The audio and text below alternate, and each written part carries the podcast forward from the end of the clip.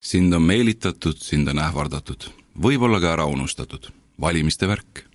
kui sa tahad tõesti muutust, vali ikka selle järgi, mis sa oled näinud poliitikuid tegemas enne, kui nad kollektiivselt hulluks läksid. vali neid, kes tegelikult ka hoolivad, kelle jaoks iga Eesti inimene on tähtis ja eriline. vali päris sotsiaaldemokraadid. tegelikult ka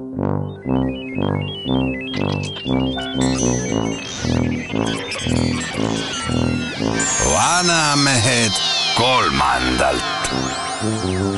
vanamehed aitab kolmandale Eesti Koostöökogu.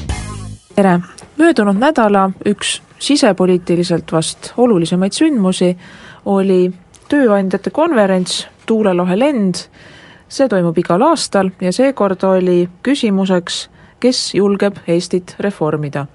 nii nagu Postimehe otseülekandest võis näha ja samuti fotodest, mis siia ja sinna veebi postitati, siis suur hulk inimesi, kes on riigi reformimise teemadel sõna võtnud, poliitikuid, ettevõtjaid, teadlasi, oli platsis ja paljud neist astusid ka oma sõnavõttudega üles. täna selle teema käsile võtamegi, stuudios nagu ikka kaks külalist, Eesti Tööandjate Keskliidu juhataja Toomas Tammsaar, tere Toomas! tervist! Ja meie sage külaline, elupõline poliitik, ministri ja Riigikogu liikme ametit pidanud Jüri Adams, tere Jüri! tere, tere! ja saatejuhi rollis Ülle Madise. Eh, tahad sa, Toomas, tuulelohest eh, midagi lisada, et kui tihti see toimub,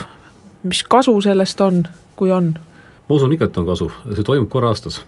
ja, ja eks me valime oma tööandjate aastakonverentsi teemadeks valdavalt sellised teemad, kus me tahame, et see teema jõuaks kuidagi tugevamalt ühiskonna või avalikkuse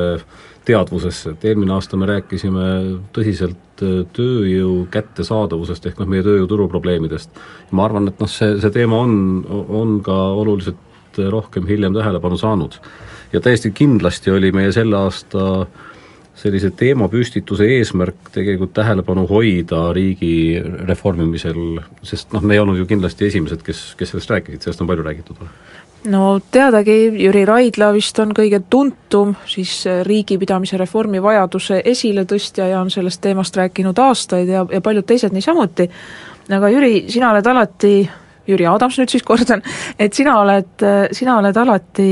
see, kes teab, kust üks või teine sõna või nähtus pärit on ja ja sedagi, et mis toimus enne sõda, nii et kui me räägime riigireformist, siis millest me õigupoolest sinu hinnangul räägime, et sa oled ka kirjutanud oma veebilehel minu meelest äh, hea ja mõistliku loo sel teemal, aga palun räägi ka kuulajale minu teema alati on olnud poliitiline kommunikatsioon, et kui üks inimene kasutab ühte sõna, et kas siis kuulaja saab aru, mida ta selle all mõtleb. Ja demagoogia üks põhiline element on see, kui sa, kui sa räägid ühtemoodi ja samal ajal tead, et kuulajad saavad sinust teistmoodi aru, ja minu arvates sõna riigireform või riigipidamise reform Eestis on praegu kujunenud selliseks selliseks väljendiks, millest kõik räägivad, aga tegelikult ma ei ole veel näinud kahte inimest, kes mõtleks selle all ühte ja seda, sedasama asja. ja hiljaaegu ma olin ühe presidendi eh, koostöökoja korraldatud eh, üritusel, mis kannab armsat eh, muinasaegset nime Kärajad ja, ja seal see oligi nagu see teema ja ma ei leidnud seal kahte kõnelejat, kes oleks ühte sedasama olnud ja kuna midagi väga uut ei öeldud, siis ma hakkasin selle teema peale seal mõtlema ja püüdsin teha ühe liigituse ja sain siis nagu niisugusest äärmusest, et äh, kõige, kõige ühes äärmuses oli see, et Eestile on vaja kirjutada täielikult uus põhiseadus. see on umbes nii, nagu vanades Nõukogude anekdootides oli, et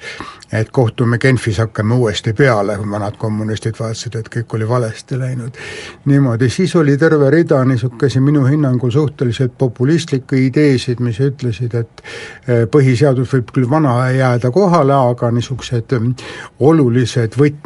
eh, poliitilised otsused põhiseaduses näiteks, missugune on meie parlamendi koostis ja, ja muud sellised, et need tuleks teistsuguseks muuta no siis oli terve rida inimesi, kes ütlesid, et tuleb teha midagi valitsuses. Teistmoodi, see on siis noh, põhi, põhiseaduse muutmist see ei vaja, aga see on valitsuse seaduse muutmise küsimus,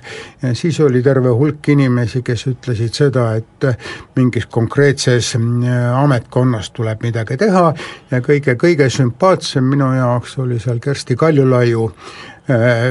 kõnekene, mis, mis ütles, et tegelikult ei ole vaja mitte mingisuguseid niisuguseid riigikorralduslikke muudatusi teha, et vaja on paremini, intelligentsemalt ja koostööaltimalt tööle hakatud. ja vot sellises niisuguses seinast seina teemas mina isiklikult püüan praegusel ajal vältida seda, kõiki neid jutte eh, reformidest, kui pärast ma uuesti sõna saan, siis ma ütleksin ka, eh, mispärast ma püüan seda, aga esimene asi on, on see, et ma kutsun kõigile üles, nimetage asja täpselt selle nimega, mis kirjeldab seda, mida te tegelikult tahate, ärge kasutage seda segadusse tekitavat klišeed riigireform seal Kärajatel minu jaoks äh, muidugi Kersti väga hea kõne ja paljude teiste heade kõnede kõrval oli erakordselt sümpaatne koostöö kogu programmijuhi Külli Taro ettekanne, mis paljuski mulle tundub, et kõlas kokku sellega, mida Toomas rääkis nüüd äh, tuulelohel, et ehk siis see keskendus pigem riigihalduse, no riigimasin on halb sõna, aga aga riigihalduse ja kohaliku omavalitsuse reformile ja tundub, et äh, sellele on viidanud ka näiteks Mart Laar omal ajal, et justkui neid protseduure, struktuure on saanud hiiglama palju, me ei jaksa enam neid aruandeid ja asju ära kirjutada, neid koodekseid kokku panna, mida me kõik kokku panna tahame, ja et justkui noh, päevad on täis toimekat logelemist, nagu sa, Toomas, vägagi tabavalt ütlesid, aga millegipärast tehtud ei saa midagi. Ja noh, sellest rääkis ka Külli, et et noh, võib-olla hakkaks pidama koosolekuid, millel on mingi eesmärk, kus midagi otsustatakse, et asjad ei ole niiviisi, et et tullakse hilinemisega, minnakse varem, otse loomulikult pole keegi ette saadetud materjalidega tutvunud, mistõttu alustatakse nende ettekandmisest, jõutakse sellega umbes poole peale ja siis lepitakse kokku, et kohtume järgmisel kuul uuesti, noh vahepeal on lõunavaheaeg ja vahepeal on loomulikult lõunavaheaeg, eks ole, noh, see on üks suhteliselt oluline asi. et, et siin ei taha üldistada ega öelda, et, et kõike kõikjal halvasti tehakse, et on suurepäraseid riigiasutusi, mis teevad oma tööd noh, tõeliselt hästi, on saavutanud väga häid tulemusi, nii selles mõttes, et nad teevad kõik selle ära, mis neile seadustega on ette pandud, nad äh, suhtuvad inimesse mitte kui objekti, vaid kui subjekti, kelle huve tuleb arvestada, kelle aega ja energiat tuleb säästa, kelle suhtes tuleb olla kena, et ühesõnaga igati tegutsevad põhiseaduse vaimus aga siis on kahjuks sugenenud terve hulk igasugust asendustegevust, mis maksab palju, maksab nii otseses mõttes, sest et ametnike töötunnid, mis sellele kuluvad, tuleb kinni maksta, ja lõpuks tuleb kõike seda jama rakendada ja see maksab ühiskonnale tervikuna väga palju, sest, sest need on lõpuks noh, kõik meie, kes selle all siis ägavad oma energia ja, ja muidu paremini kasutatava ajaga nii et, et on siis ka see võimalus rääkida riigihalduse ja kohaliku omavalitsuse reformist ja pigem selles võtmes, et kuidas keskenduda olulisele, kuidas jätta tegemata see, mis oluline ei ole e,. sina, Toomas, mis minule väga meeldis oma kõnes, tõidki välja nagu seitse loobumist et ehk on kuulajal, kes võib-olla Postimehe otseülekannet jälgida ei saanud, huvitav kuulda, et millest siis sinu hinnangul võiks loobuda, et riigihaldus läheks paremaks võib-olla alustades sellest tõepoolest, et me, et miks, miks, miks ettevõtjad selle, selle teema pärast üldse mures on? on, on noh, ikkagi võtmeküsimus on see, et, et me sellist, sellist masinavärki näeme, et ei jaksa pikas perspektiivis pidada. see on ikkagi, olgem ausad, noh nagu ettevõtjate poole pealt noh, kõige, kõige olulisem küsimus. kui me, kui me vaatame meie tööjõu ja, ja, ja rahvastikuprognoose, siis äh, noh, siis, siis tuleb mulle meelde see lugu, eks ole, konnast, et kui sa viskad ta külma vette, siis hakkad seda vaikselt pliidil soojendama, siis see konn ei saa arugi, et midagi juhtub ja, ja lõpuks keeb sinna ära, kui sa viskad ta keevasse vette, siis ta saab aru, et asi on null ja hüppab välja. ja, ja nii on natukene meil selle, sellest probleemist arusaamisega ka minu arvates Eestis. et kui me vaatame nii-öelda aastast aastasse, siis ega ühe, kahe ega kolme aastaga tegelikult ei juhtu mitte midagi katastroofilist kui me vaatame täna seda, mis ütlevad meile meie rahvastiku ja tööjõuprognoosid aastaks näiteks kaks tuhat nelikümmend, kaks tuhat viiskümmend, siis on pilt päris kole. et see peaks meie jaoks olema natuke see keev vesi praegu. Äh, paraku küll on, on niimoodi, et valimistsükkel on, on suhteliselt lühike aeg. ja, ja selle ajaga tõepoolest ei juhtugi midagi katastroofilist. nüüd äh, kui me vaatame seda pilti, siis aastal kaks tuhat nelikümmend on meil erasektoris töötajaid alles umbes ähm, nelisada tuhat. Eestimaalasi on sellel ajal umbes üks koma kaks miljonit, mis tähendab seda, et ühe erasektoris töötaja pealt saadavate maksudega me peame üleval tegelikult kogu riiki, ehk noh, täiendavalt äh, finantseerime nende maksudega ka kogu avaliku sektori, pluss siis kogu nii-öelda sotsiaalsektori. et see, see käib meil üle, üle jõu. nüüd ähm, kui, kui rääkida nendest loobumistest, noh et siis jälle teha, teha samm tagasi, ma ütleks niimoodi, et et, et kui, kui strateegia all mõista ähm, eelkõige valikute tegemist, see on see, nagu ma strateegiast aru saan, siis see tähendab ka seda, et äh, teistpidi strateegia tähendab mitte ainult kusagile panustamist, vaid ka millestki loobumist. ja selle järgi meil minu arvates Eestis noh, ei ole tegelikult strateegiat. et, et millest siis loobuda? Esimene, esimene loobumine, mille ma kirja panin, on see, et, et ettekujutusest, et Eesti inimene on nõrk ja vajab kõikjal kaitset. et minu arvates see nii ei ole, mitte ei saa küll öelda, et, et suurem osa, ütleme, õigusloome või avaliku sektori tegevusest läheks nii-öelda sellele kaitsele, aga väga suur osa igal juhul. ja, ja see ettekujutus on justkui Eesti inimene vajaks kaitset oma naabri eest, teise eestlase eest, ettevõtja eest, riigi eest, ja tegelikult me oleme jõudnud minu meelest järjest rohkem sinna, et Eesti inimene vajab kaitset iseenda otsuste, sealhulgas valede otsuste eest. Et ma arvan, et saab palju vähemaga hakkama, et Eesti inimene ei ole üldse nii kaitsetu ega nii rumal, kui kui meie oma, kui me tahame riigina talle öelda. Siis, siis teiseks äh, me peaksime loobuma ettekujutusest, Eesti on, on, on, äh, on, on suur riik, lihtsalt natukene veel väiksem. ja, ja et pole veel päris hästi kohale jõudnud, et noh, me tegelikult ei ole selline loom nagu Saksamaa või selline riik, ma tõin ka võrdluse seal, et äh, et noh, et kui, kui, kui lõvi, eks ole, magab kakskümmend tundi päevas ja ööpäevas ja, ja rebane magab kümme, no et siis see noor rebane ei saa proovida elada nagu, nagu lõvi. sest siis ta lihtsalt saab hukka. Et nii, nii ka riikidena, et noh, me peame tegelikult aru saama, et me oleme väike riik ja väike riik peab seda enam tegema valikuid. et noh, kogu see tegelikult, see, mida ma tahan öelda, on, et me, me peame rohkem valikuid tegema. minu arvates kõige olulisem või, või vähemalt üks kõige olulisematest on ettekujutus, kui me räägime näiteks omavalitsusreformist või teistest noh, sellistest konkreetsetest, aga väga rasketest reformidest, siis see, see usk, et et selliseid reforme on võimalik teha kuidagiviisi alt üles. et juhtimise mõttes selliseid asju ei ole mitte kunagi võimalik teha alt üles. allpool, no see tähendab seda, et, et, et sa ei saa sundida inimest tegema otsust või mis on talle isiklikult kahjulik tollel hetkel. ja, ja minu arvates see retoorika, et äh, et noh, me ei saa ülalt alla reforme teha, see on, see tegelikult on selline, ma ütleks, ma nimetaks seda juhtimisarguseks. ja, ja minu arvates ei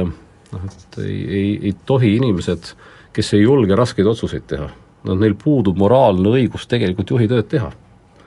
ja, ja sellest peab aru saama, et kui, kui, kui poliitikud saavad rahva käest mandaadi olla juhid, siis nad ei saa mitte ainult õiguse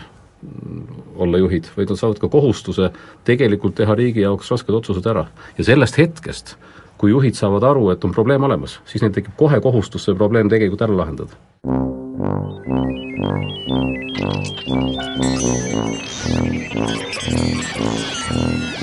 Vanamehed kolmandalt.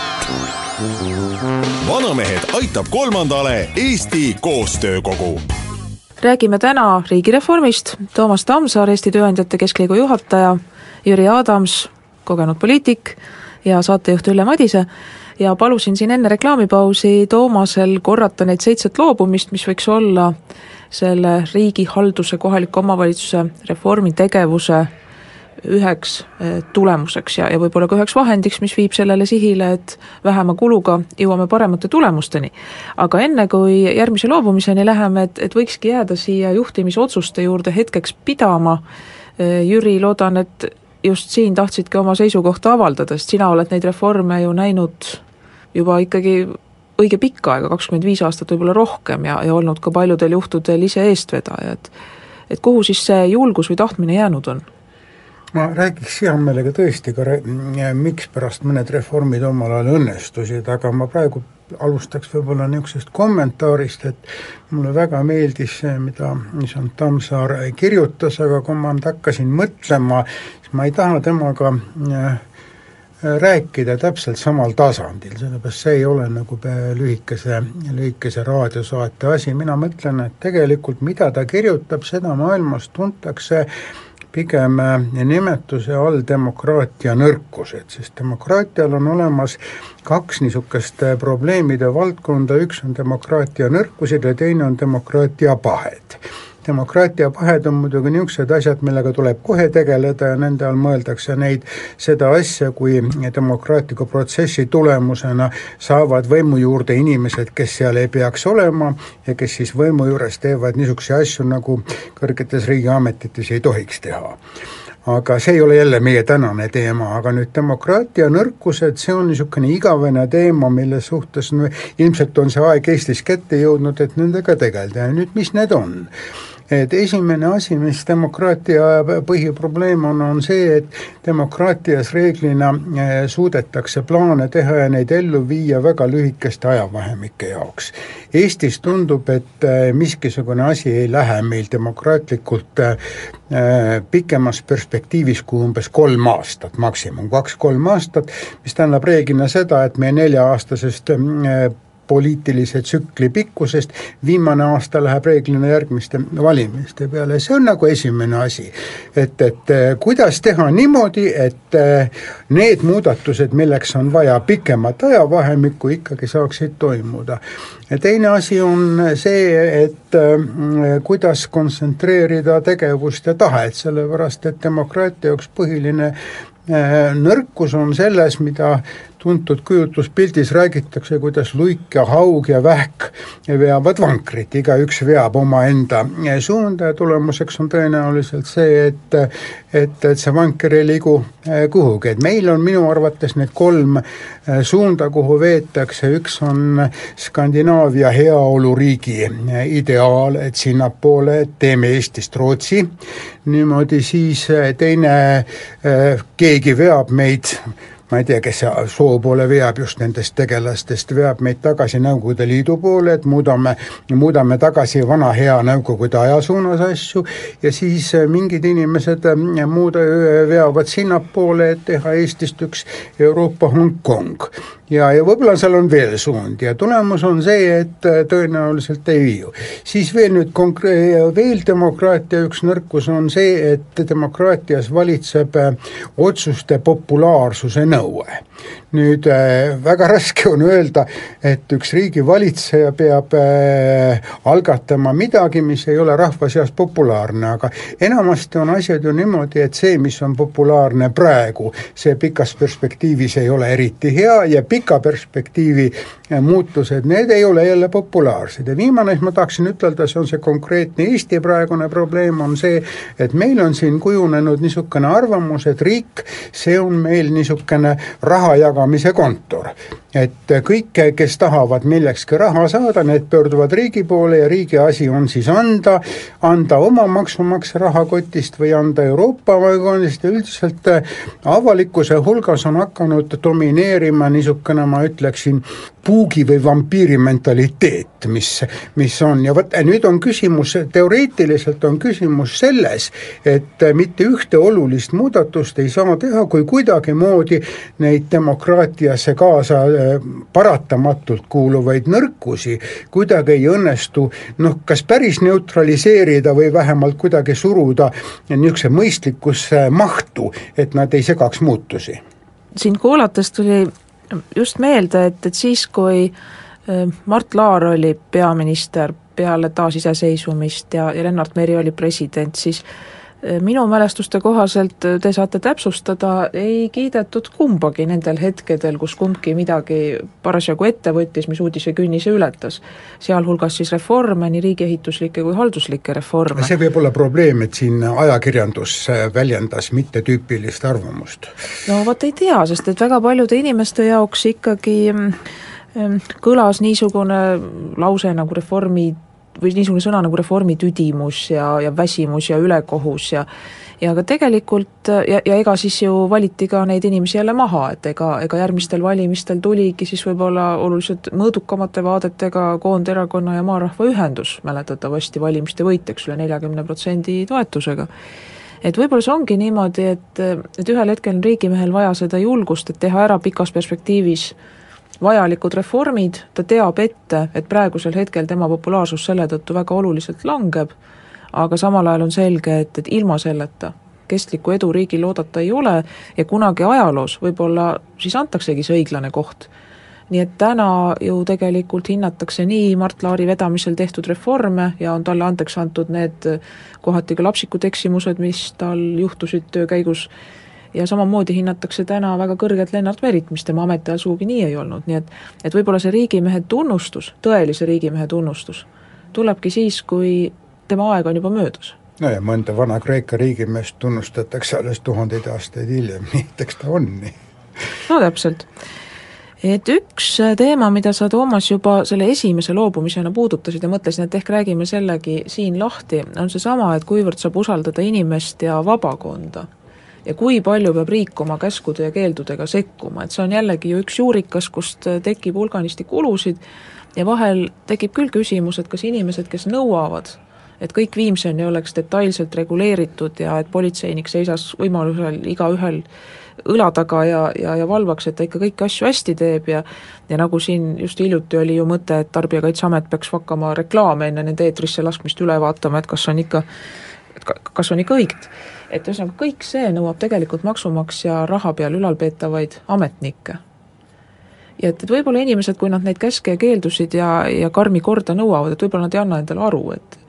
et et valikukoht on, et kas meil on kõrgemad lastetoetused, kas meil on näiteks huviharidus suuremas ulatuses äh, tasuta või väikse tasu eest kättesaadav, lastetreeneritel korralikud palgad,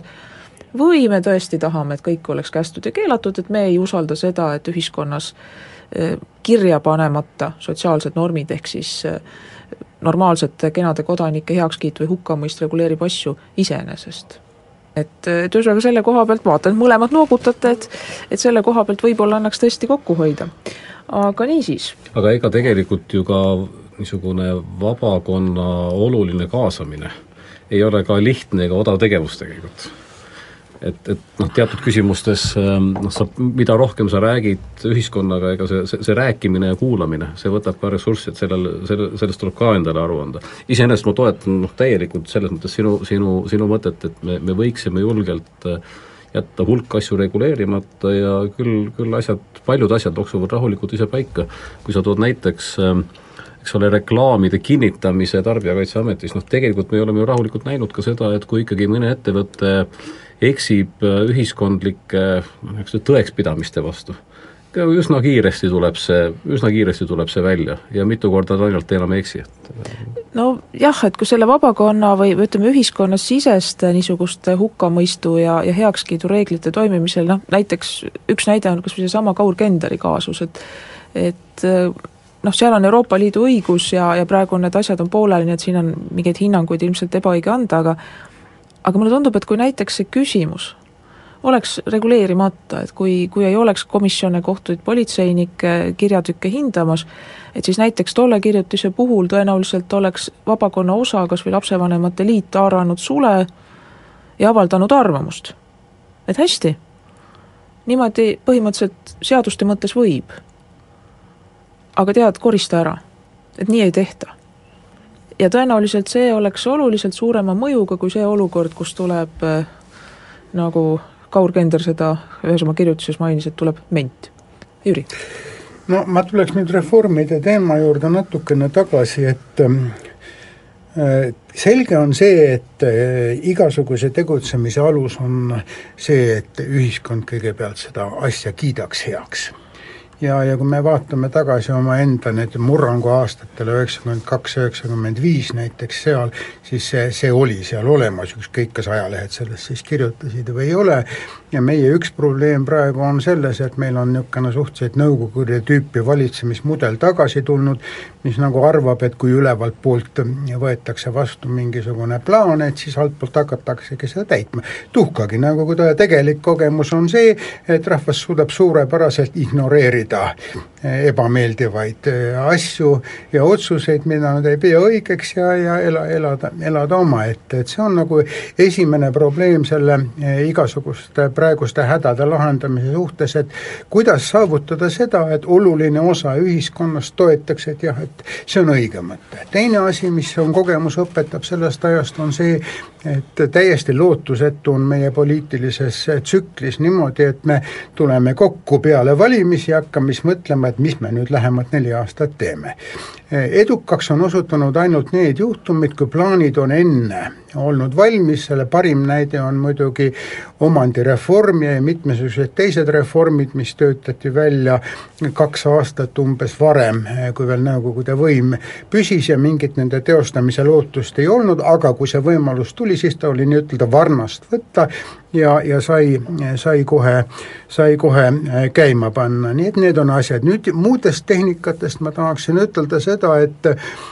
praegusel ajal on nagu ära unustatud või keegi ei ole nagu tahtnud väga tõsiselt küsida, mikspärast omal ajal mitmesugused noh, ka reforme ei saa teha ilma tekstideta. et mikspärast mõned tekstid, reformiseaduste tekstid osutusid edukaks ja teised kukkusid läbi. ja mina pakuks välja niisuguse seletuse, millele ma ise jõudsin arusaamisele, kui üheksakümmend neli lõpus, üheksakümne viie alguses tehti äriseadustikku ja siis olid tohutud vastuseisud sellele ja, ja, ja siis äh, Taimar Liivi eestvedamisel seda põhiliselt tehti ja saavutati niisugune tulemus, et äh, seaduse põhitekst tehti ideaaltekstiks, seal ei tehtud mitte mingisuguseid kompromisse, mida nõuti. aga seadusele liideti rakendusseadus, kus lubati kõik mõistlikud äh,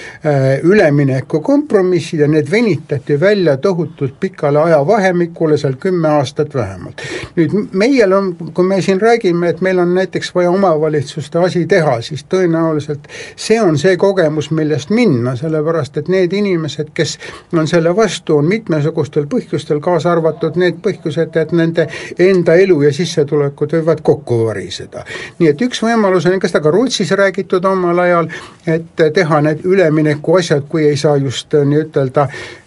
ennetähtaegselt suurte pensionitega eest ära saata kedagi, et teha see, teha see pikalt, muide see kümme ja viisteist aastat muutuvad selles protsessis väga kiiresti lähevad. teine näide sellest ajast natukene hiljem oli küsimus, kui me võlaõigusseadusele esialgu ei saanud liita töölepingu peatükki juurde, sellepärast et töölepingu või tööõiguse teemadega tegutsevad inimesed ütlesid, et esiteks see meile ei sobi, teiseks see hävitab meie kogu senise elutöö ja, ja võtab ka meie leivad ära, noh tegelikkuses anti praktiliselt äh,, ainult kümmet aastat nüüd just ei olnud, aga mingisugune üleminekuperiood ja, ja lõppkokkuvõttes vähemalt selles seisukohas olid, olid nagu, nagu, nagu kõik asjad, et see on üks, üks meetod, mida me võiksime uuesti proovida nendes, aga päris üldiselt ütelda, me oleme mõnes mõttes täiesti hullumeelse vastuolu olukorras, sest esimesed kümme aastat me pidime tegema muutusi, mida me nimetasime reformideks, sest et me ei saanud Nõukogude aega lõpetada, siis äh, see, mida saatejuht ütles reformi tüdimuseks, kasvas taevani ja Eesti riik oleks pidanud äh, muutuste protsessi ära lõpetama, vastupidi läks, kuna me läksime Euroopa Liitu, siis tuli see harmoniseerumise viisaastak, mis tähendas seda ja nüüd ei olegi saadud, saadud see, et põhimõtteliselt praegu Eesti mm, elanik kodanike minu arust üldine suhtumine on see, et aitab jumala pärast muutust, sest normaalne inimelu tähendab see, et täna on enam-vähem sama, nagu oli eile ja meil peab olema piisav kindlus, et ka homme, homme on enam-vähem see. Ja see on üks põhjus, mikspärast mina isiklikult ei taha rääkida reformidest, aga ma arvan, et praegusel hetkel on vaja rääkida nii-ütelda vigade parandamisest, et sellest hakata peale ja päris uusi muutusi kavandada alles siis, kui silmnähtavad juhtunud vead on ära parandatud.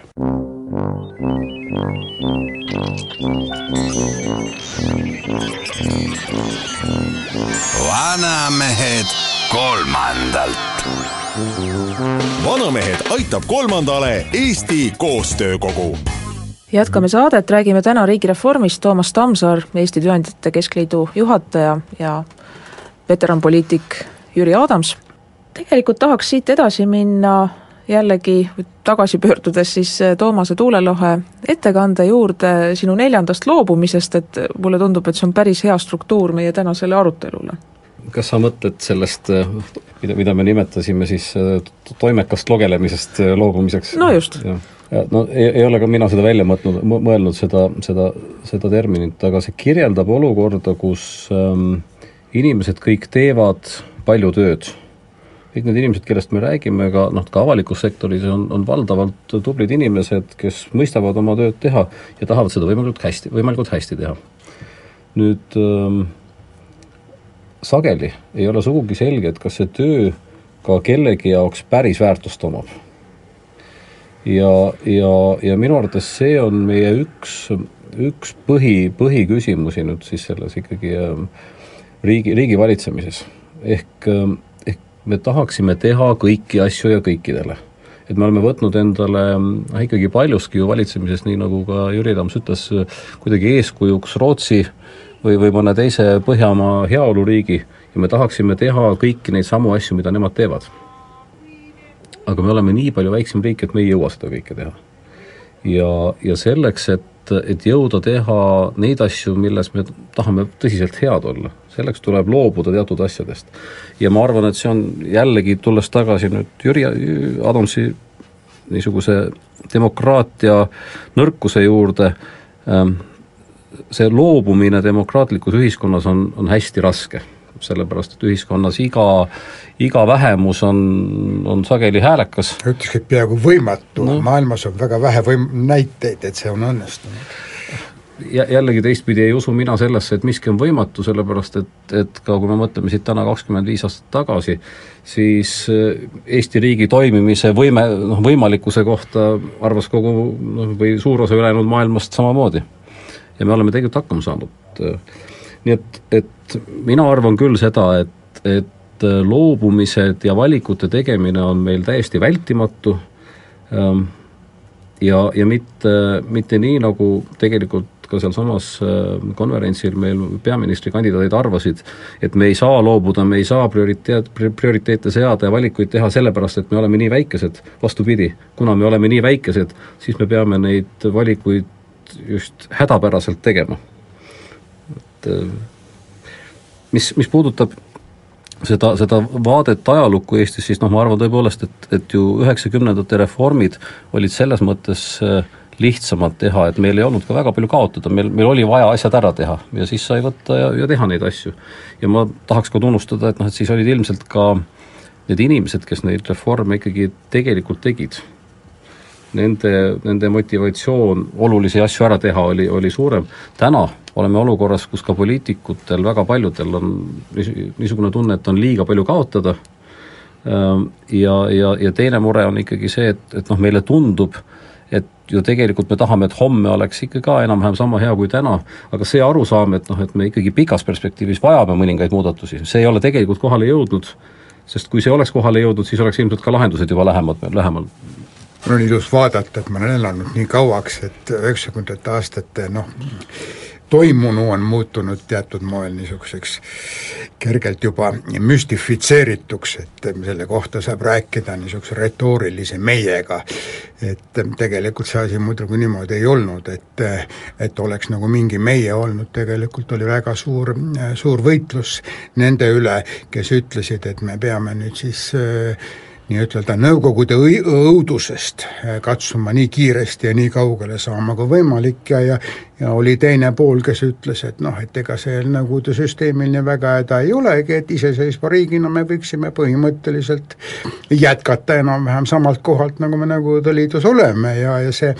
see võitlus oli ikkagi väga pinev ja põhimõtteliselt äh, rahva enamik andis äh, mitmesuguste valimiste kaudu oma, oma otsuse äh, nii-ütelda selle muutmise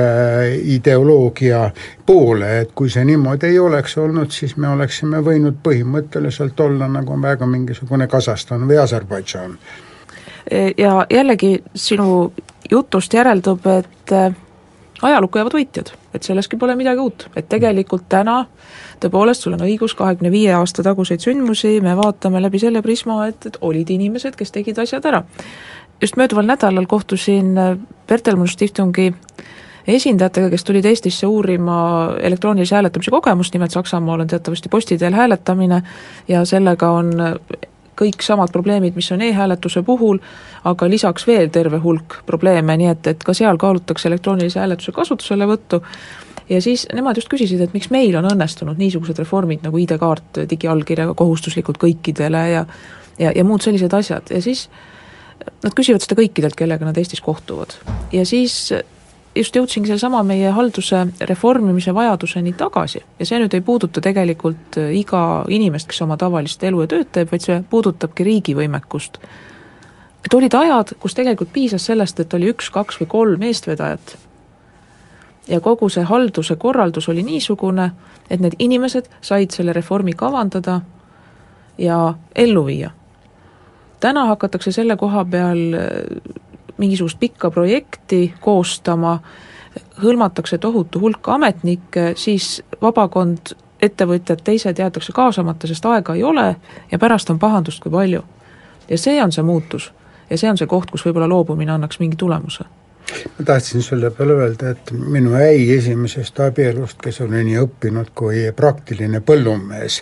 eelmise Eesti Vabariigi lõpuajast, tema rääkis seda asja niimoodi, et mõistlik peremees teeb töid õigel ajal, et kõikide äh, aastaringsete põllutööde tegemiseks on üks teatud ajavahemik, reeglina mitte pikem kui kaks nädalat, mil nende tegemine õnnestub. et kes hakkab külvama või kündma enne seda, kui õige aeg on kätte jõudnud, sellel läheb kõik vussi ja vussi läheb ka sellel, kes teeb pärast seda, kui see õige aeg on mööda läinud, aga aga õnnestuvad need asjad, mida tehakse õigel ajal ja siis äh, ka õige kiiruse ja, ja õigete tööriistadega et siis äh, õigete asjade õigesti tegemine viib sihile, see on selge. Sa, Toomas, ütlesid ka seda ja siin oleme kohaliku omavalitsuse reformi juures tagasi, et kas ei peaks inimestele ausalt välja ütlema, et et üle kogu riigi ühetaoline, noh, mulle ei meeldi see sõna avalik teenus, aga ühesõnaga mingis mõttes ühetaoline riiklikult garanteeritud või avaliku võimuga garanteeritud elustandard on võimalik, et see ei ole võimalik, see ei saa võimalikuks ja et võib-olla on targem see inimestele otse välja öelda keegi võib seda öelda, ma saan aru, et poliitikutel on seda väga raske öelda, aga, aga inimesed on maalt linna kolinud juba aastasadu. ja mina küll veel ei näe seda, et see protsess oleks kuidagi, kuidagi pööranud, et noh, et siin siin Rivo Noorkõivuga Geomeediast hiljuti rääkisime, siis noh, tema ütles, et noh, tegelikult on meil küsimus, et kas meil jääb Eestisse üks tõmbekeskus või kaks ehk et kas Tartu jääb nii-öelda tegeliku tõmbekeskusena kaardile või mitte. Ja selle kõige juures äh, ma ei arva sugugi, et, et Eesti maapiirkondades ei, ei peaks inimestel olema nii-öelda võimalik elada. aga, aga seda ettekujutust luua, et täpselt samasugune riigi teenus, äh, noh, nimetame seda teenuseks, noh tegelikult on ka tervishoid ja, ja haridusteenus, et ta on täpselt ühesugusena igal pool kättesaadav, ma arvan, et see on tegelikult inimeste petmine ja teiseks on ta, isegi kui seda püüaks teha, on ta lihtsalt liiga kallis kui tohib ütelda, siis ma olen ka rääkinud omal ajal päris, palju inimestega ja äh, tulemus on põhimõtteliselt sama, et äh, kunagi olid ähm, kohaliku omavalitsuse teenused möödapääsmatud, sellepärast et ei olnud teisi võimalusi üldse, aga pärast seda, kui tulid internet ja mobiiltelefon ja ja, ja, ja, ja üleüldine autostumine, on enam-vähem selge, et valdav osa nendest asjadest, ütleme peaaegu kõik,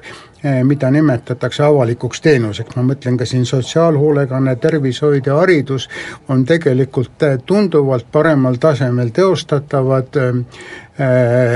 riigi poolt. ja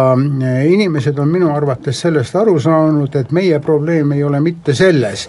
et, et riik oleks halb, vaid vastupidi,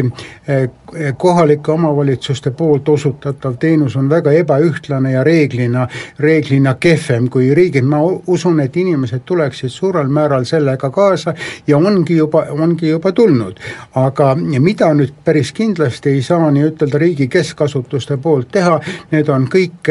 kohaliku kultuuri- ja seltsielu probleemid, et et et siin tuleb aru saada, mis, mida, kuidas on kõige paremini teha, seegi tervishoiu teeb keskvalitsuse süsteem paremini ja tõenäoliselt teeks ka koolihariduse ja tõenäoliselt teeks ka igasugused sotsiaaltoetused.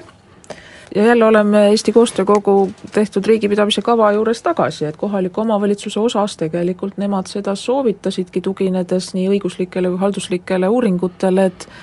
et kohaliku omavalitsuse mõte on lahendada kohaliku kogukonna asju. et ehk siis teatud avaliku korra reeglid, mis puudutavad seda, et, et kuidas sa näiteks oma lemmikloomaga jalutamas käid ja seda mustust koristad, või võib-olla need lemmikloomad lippavad vabalt ringi, mis ju valla territooriumil ei ole mingi probleem,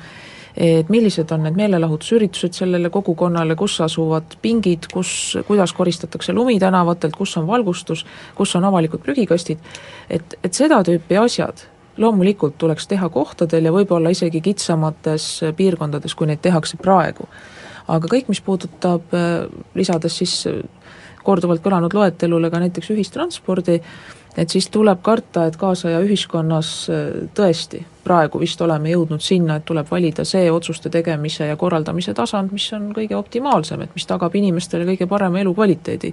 et mingit sundust hoida püsti struktuure, millel pole loogilist seletust,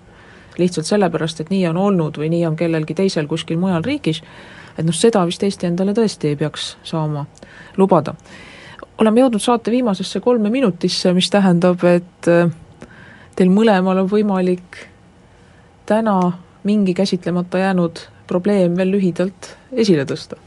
noh, see tuleb nüüd nii äkki, et, et ma ei oskagi oma pääst välja mõtelda, et mis mis see nüüd see kõige, kõige, kõige olulisem, olulisem siin oleks. ma kui nüüd tulla tagasi eh, selle vigade parandamise juurde, siis minu arvates on eh, esimene asi on, meil on terve rida eh, selliseid riigi ülesehituslikke vale, valeotsuseid omal ajal tehtud vigu, mis tegelikult keskmisele valijale absoluutselt korda ei lähe, kuna need ei mõjuta üldse, üldse tema elu ja ometigi neid tuleb teha, need ei ole populaarsed. teine asi, et meil on kindlasti läinud valesti mitu asja, mis alguses võib-olla ei saadudki aru, et nad on, on valesti läinud, üks on seesama kohaliku omavalitsuse korralduse probleem, olukorras, kui see Eestis kehtestati üheksakümmend neli, ei olnud üldse neid teistsuguse tegemise võimalusi olemas. Ja, ja nüüd on küsimus, kui kui kaua me selle juurde jääme. Ja siin on ka veel kindlasti tegijate oskamatuse probleem väga igal pool väljas. no näiteks see idee, et meil on olemas Eh, juriidiliselt absoluutselt võrdsed kohalikud omavalitsused Tallinna linnast kuni Piirissaare eh, väikevallani, on jur-, juristi pilguga on ehk täitsa arukas. aga, aga praktiliselt seisukohalt on see, on see suhteliselt mõttetu ja, ja nii, et neid asju peaks nagu korrigeerima, et äh,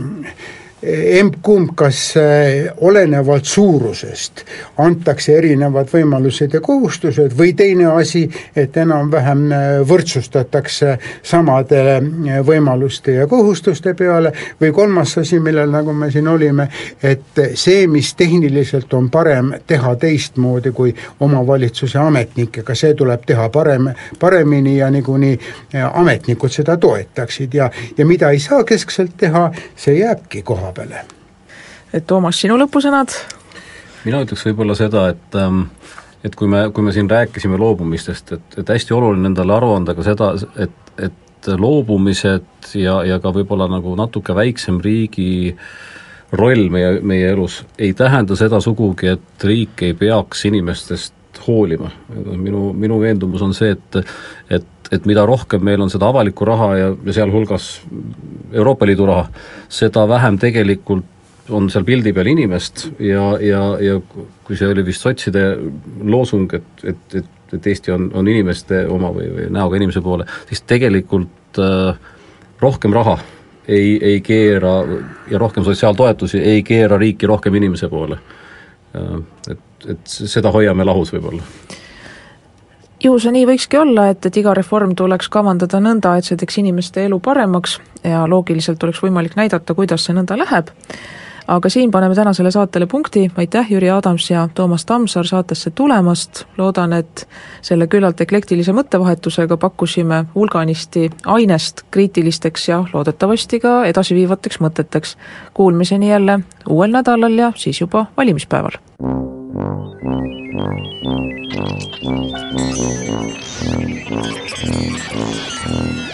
Vanamehed kolmandalt. vanamehed aitab kolmandale Eesti Koostöökogu